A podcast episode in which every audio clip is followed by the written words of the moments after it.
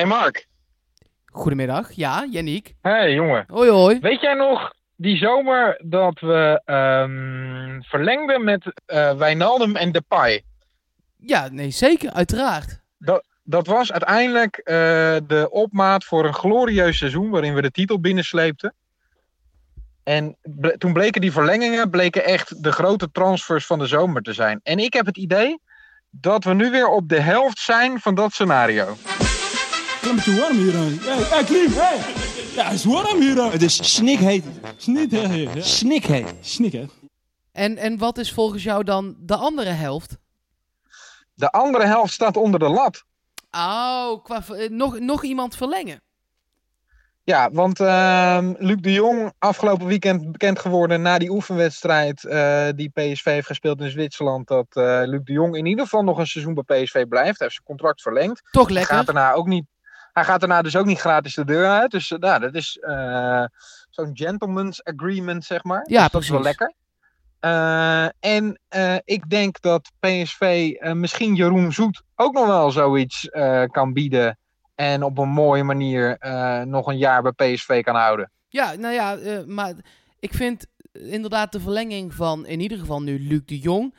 Ja, dat is eigenlijk een soort van ook gewoon een hele goede aankoop. Dat is echt knap werk van zowel Ja. Mark van Bommel als John de Jong. Want ehm, dat betekent ook dat Luc de Jong voor nu in ieder geval niet voor het avontuur kiest. Tenminste, niet een ander avontuur. Want bij PSV Nee. is blijkbaar avontuur genoeg met de nieuwe plannen van Van Bommel en de kans op de Champions League. Dus Ja. ja knap gedaan gewoon van PSV.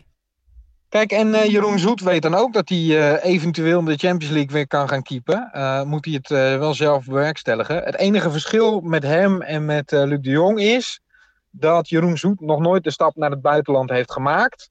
En dat nu wel de jaren beginnen te tellen voor hem en dat hij dat wel een keer moet gaan doen. Ja, Ehm. maar het, kijk, het, het, het ligt er bij hem ook, heb ik heel erg het idee, heel erg aan welke clubs er gaan komen. Ja. Eh, Ja, Jeroen ja, Zoet is niet iemand die zin heeft om ergens op de bank te zitten. Of, Nee. o- o- o- of om ergens tweede of misschien zelfs derde keeper te zijn, weet je wel. Nee. Ehm, Dus ja, dat gaat sowieso gewoon niet gebeuren.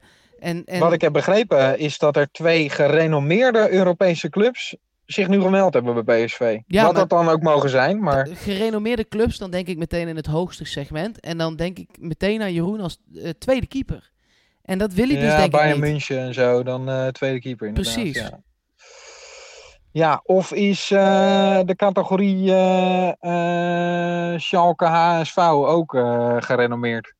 Ja. Ja, ja, god, op papier wel natuurlijk, maar daar ga je... je alles wel gerenommeerd noemen, hè? Ja, precies. Ik, eh, als je nu tegen Dan is zegt- Nottingham Forest dus ook Ja, eh, gerenommeerd, want nee. die hebben ook een keer eh Europa Cup 1 gewonnen. Ja, precies dat zat ik in mijn hoofd te bedenken. Ja, dan, kun je, dan is Sparta ook gerenommeerd, weet je wel. Ja, Willem, Ja, nou niet Europees, maar nou, precies. en Willem II, want die hebben ooit Champions League gespeeld. Dus nee. Ja, ja. denk- Roda. ja, precies. Nee, ja, maar ik denk echt dat ze dan de top of de beeld bedoelen. En dat hij daar dan dus niet voor eerste keeper op de rol staat. Anders was hij Ja. denk ik al wel weg geweest ook. Hij is eh, ook eh, bij Atletico Madrid natuurlijk in beeld geweest. eh, maar daar zal hij ook tweede keeper worden, achter Oblak. Ja, precies. Ehm, dus er moet ergens, en ik heb het al vaker gezegd, moet die keeperscarousel eerst op gang komen. En dan zou er eventueel een plekje voor Jeroen Zoet komen.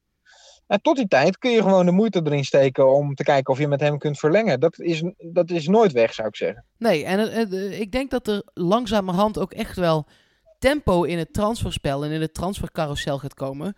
Omdat in Engeland gaat hij op 9 augustus al dicht. Hè? En dat is toch een groot land waar veel sheiks en veel geld zit.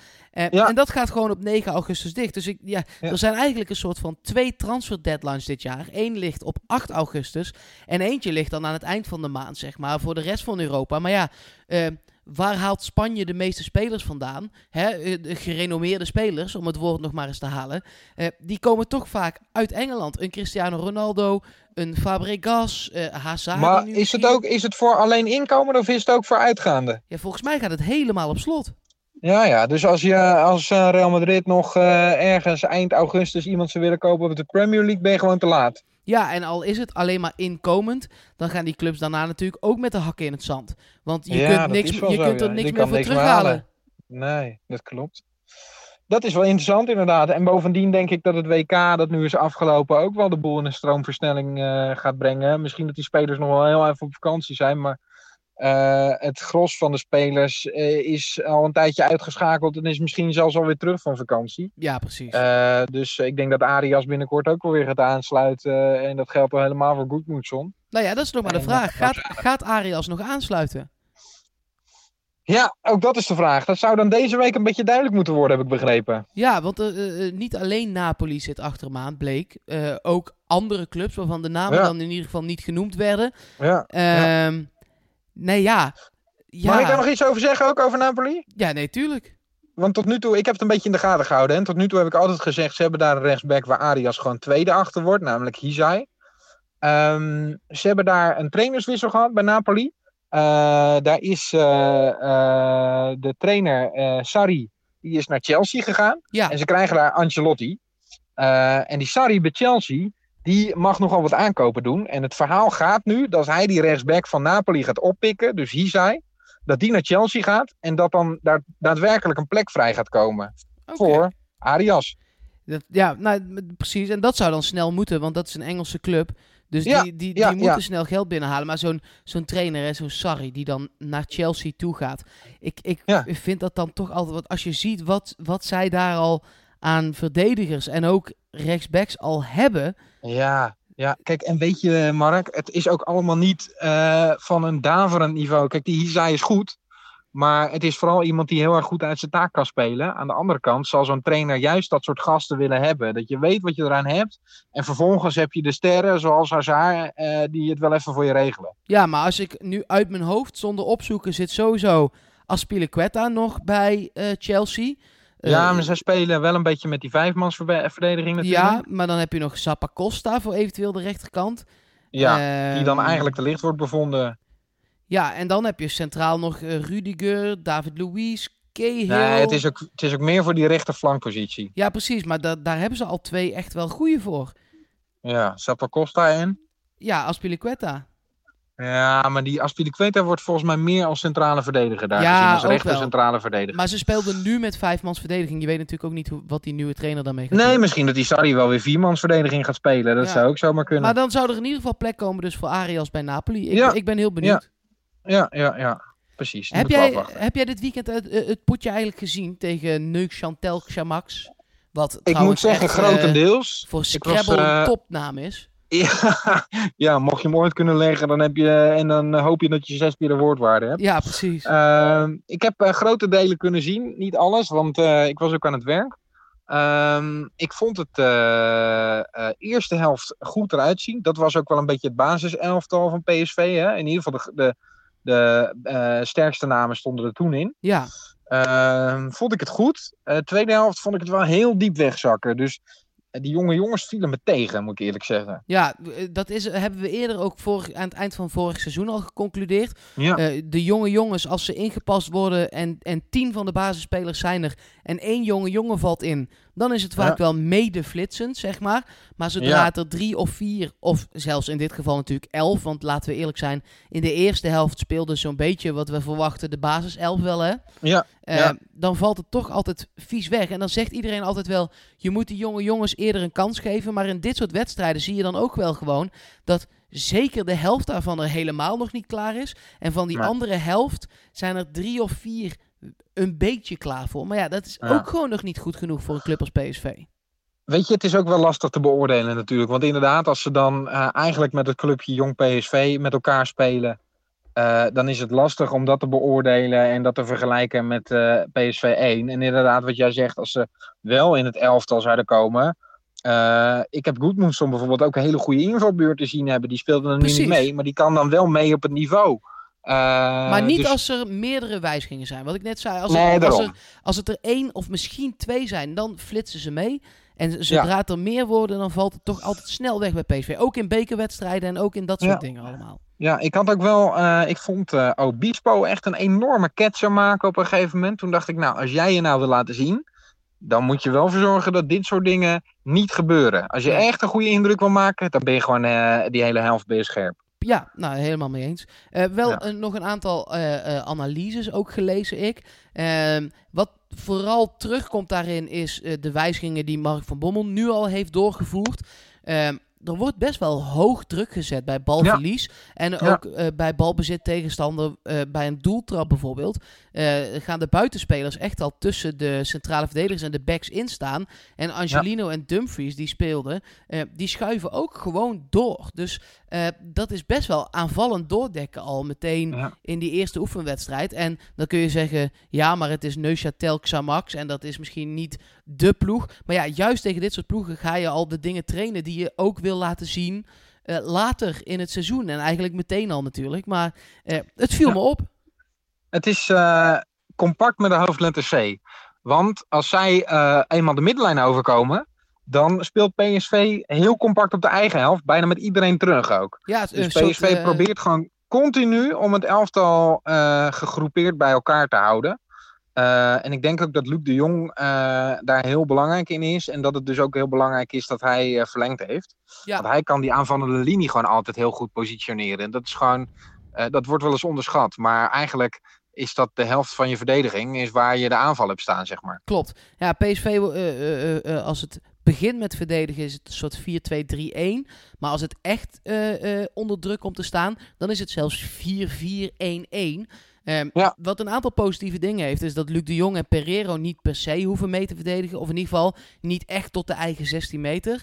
Ehm, en als je de bal krijgt en je hebt twee snelle zijkanten, dan kun je dus Pereiro en de Jong inspelen. Die kunnen de bal vasthouden totdat die zijkanten flitsend zijn. En dan kun je die diep sturen. Dus ik, ik snap het wel. Eh, eh, Mhm. je bent dus en sterk vanuit de omschakeling als je de bal vroeg weet af te pakken. Maar als je de bal in een later stadium weet af te pakken, ben je op de counter alsnog gevaarlijk. Dus volgens mij is dat de best of both worlds.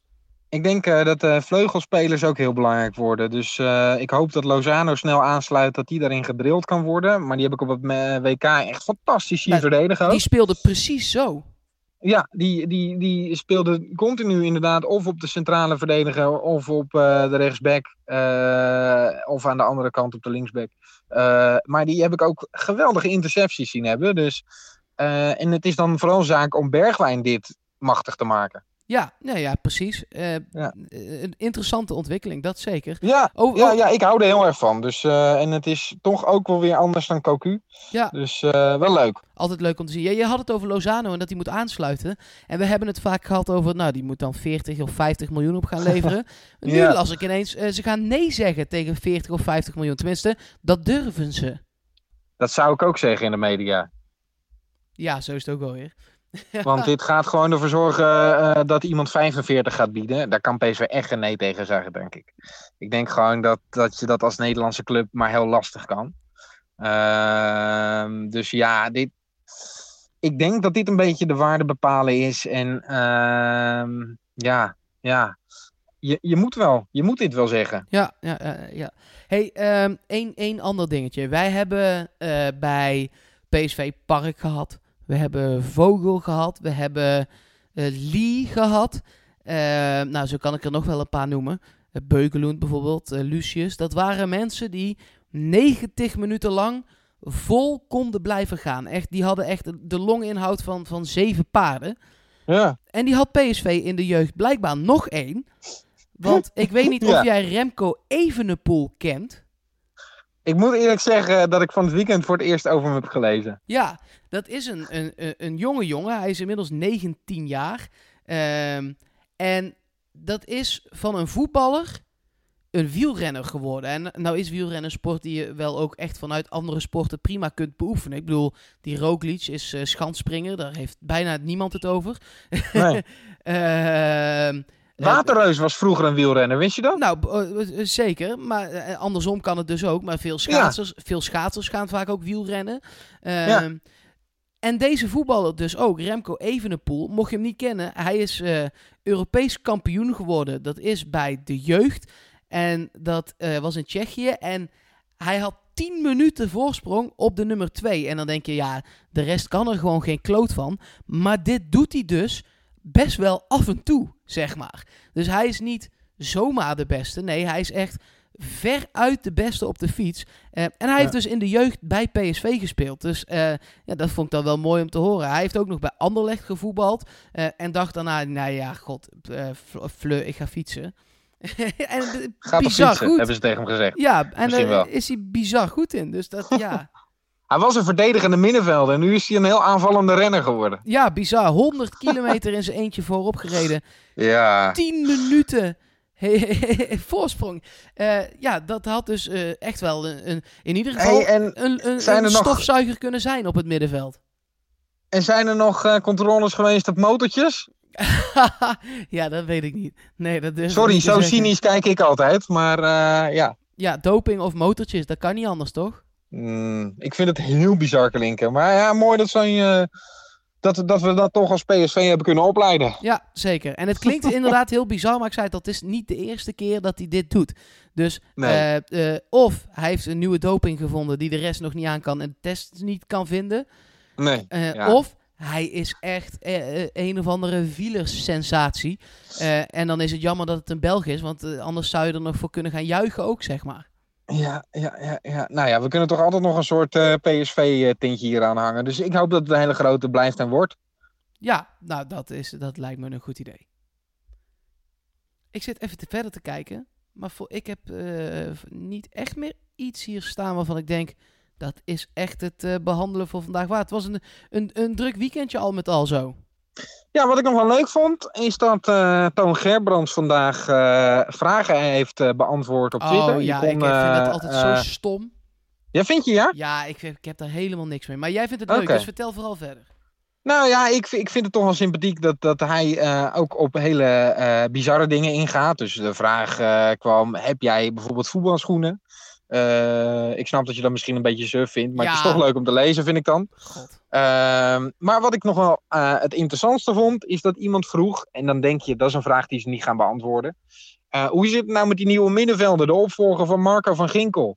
En dan denk je, nou, daar gaan dit soort topfiguren gaan hun vingers daar niet aan branden, want dat is iets wat intern moet blijven, dat wil je niet uitstralen. Ja, En het antwoord dat daarop kwam was, we zijn ermee bezig, er wordt aan gewerkt.